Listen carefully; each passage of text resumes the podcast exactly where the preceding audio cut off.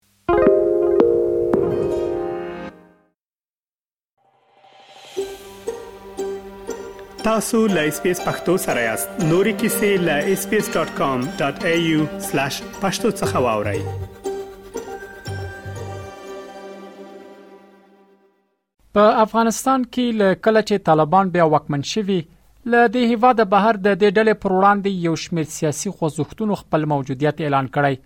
په تازه مورد کې د شنبه په ورځ د افغانستان د سولې او عدالت خوځښت د تغییر په شعار سره خپل موجودیت اعلان کړ د افغانستان په تیر جمهوریت نظام کې د بهرنی چارو وزارت د پخوانی وزیر محمد حنیف اتمر او د ملي امنیت ادارې پخوانی رئیس محمد معصوم ستانکزي په ګډون د دغه حرکت اکثریت غړي د افغانستان د پخوانی حکومت سیاسي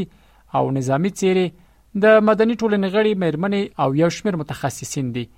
دغه حرکت په خپل لمړنۍ انلاین غونډه کې د شنبه په ورځ په افغانستان کې د تغییر غوښتنه وکړه د دغه حرکت غړي او د افغانستان د تیر جمهوریت نظام د بهرنی چارو پخوانی وزیر محمد حنیف اتمر وویل د دې حرکت مخه په افغانستان کې سوله او یو داس نظام جوړیدل دي چې د خلکو په اراده او رایه جوړ او کورنۍ او نړیوال مشروعیت ولري خغلی اتمر زیاته کړه د اوسنی نظام نه مشروعیت هغه بحران رامنځته کړی چې د نورو بحرانونو د حل لارې په ټپه درولې ده نوموړي په دې غونډه کې همدارز وویل د دوه تړون عملی شوی نه دی او د جمهوریت نظام په سقوط کې د دې نظام مشران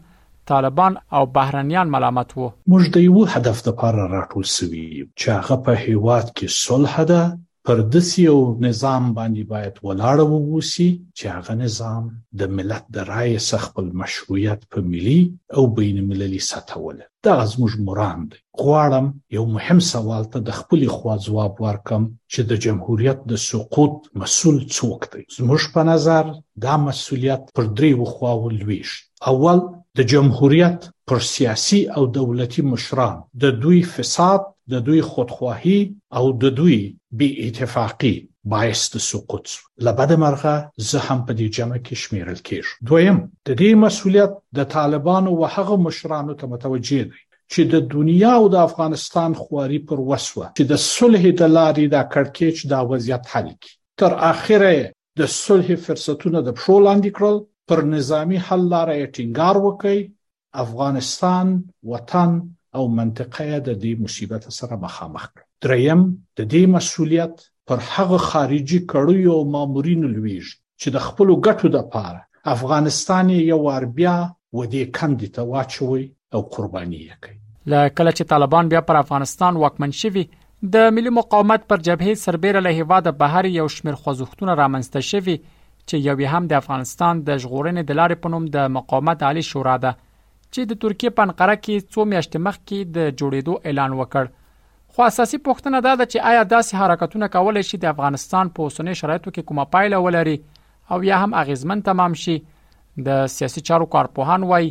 که څه هم په اوسنۍ شرایطو کې د سیاسي خوځښتونو جوړېدو ته اړتیا لیدل کیږي خو په وینا یې د پخوانیو ناکامو څیرو لخوا د داسې جریانونو رامنځته کېدل ځکه پایله نه ورکوي چې افغانان په تیر شلو کلونو کې د هغوی فساد او ناوړه کړونو ته په کتو پر هغوی باور نه کوي دوی زیاتوي چې په دغه سیاسي خوځښتونو کې داسې کسان شتون لري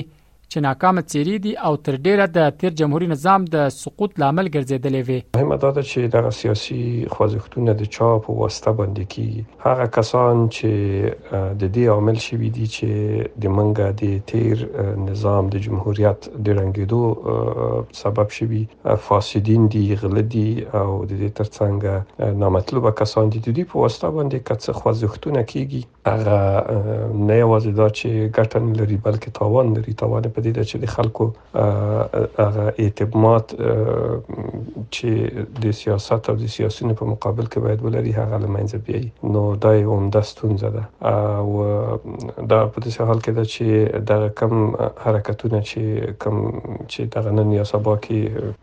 شوي دي په دې کې داسې چیرې لیدل کیږي چې هغه په تیر نظام کې ناکامه چیرې ویلي او په زمين کې عامل دي سقوط د نظام او د فساد او د ټولو بدبختیانو وي په ټولنیزو رسنیو کې عام افغانانو د پخوانی سیاسي سیرو په ګډون د دغه حرکت جوړېدو ته بلا بل خبرګونونه خودلی وو له دې ډلې یو شمېر هغوی له اس بي اس رادیو سره په خبرو کې وویل چې یادو څیرو په تیرو یوشتو کلونو کې خپل امتحان ورکړی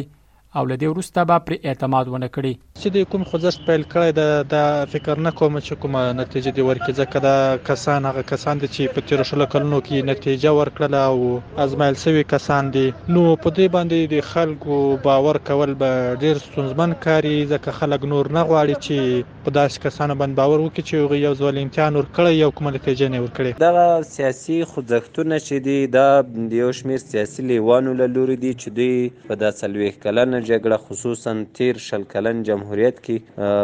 په هیڅ هم سرپوه نه کړه هیڅ ارزښت یم پرې نه ښو ټول ارزښتونه یې د غرب د فرمایشاتو لپاره تر پښو لاندې کړ او یا یې هم د خپلو شخصي ګټو لپاره تر پښو لاندې کړ په دوی باندې هیڅ افغان هم باور نه کوي اوس افغانان شکر سیاسي شعور لري نه اوس افغانان دي څلوېښتو کلونو وړاندې افغانان دي او نه هم افغانان دومره بې شوره دي چې څو ځلې په یو چا باندې غلط سي. د طالبانو سرپرست حکومت بیا له هېواد بهر د دغه شمېر سیاسي څېرو د خوځښت اعلان ته په غبرګون کې وایي چې دغه څېرې خلکو ته د منلو وړ نه دي.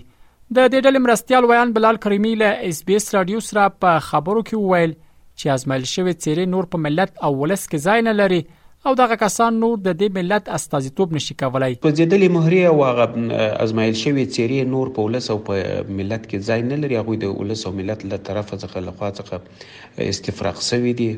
هغوی تیر شل کاله خپل امتحان ورکړی چې د خپل هیواد ارزښتونه ملي منافع او معنوي اقدار د خلکو حقوق دا ټول د اشغال په لمن کې غورځولي او خپل امتحان یې ورکړی بنا نه هغوی په ولس کې ځای نه لري نه د ولس نمایندګي کوي نه د ملت د کومو ګټو نمایندګي کولای شي په شخصي او په فردي ډول باندې د هغوی خپل نظریات له هغوی سره دی ولې په د ولس او د خلکو له خوا څخه هغوی ترټل سوي او استفراق سوي دي د تیر 2021 کال په اگست کې د طالبانو له بیا واکمنېدو وروسته د ګڼ شمېر نور افغان سیاستوالو په څیر خاغلی اتمر او ستانکزی هم له هیواده ووتل او دا د اوس له یو کلنۍ چوپتیا وروسته د یو نوي سیاسي جوړښت اعلان کوي رحیم الدین اوریاخیل اس بي اس رادیو افغانستان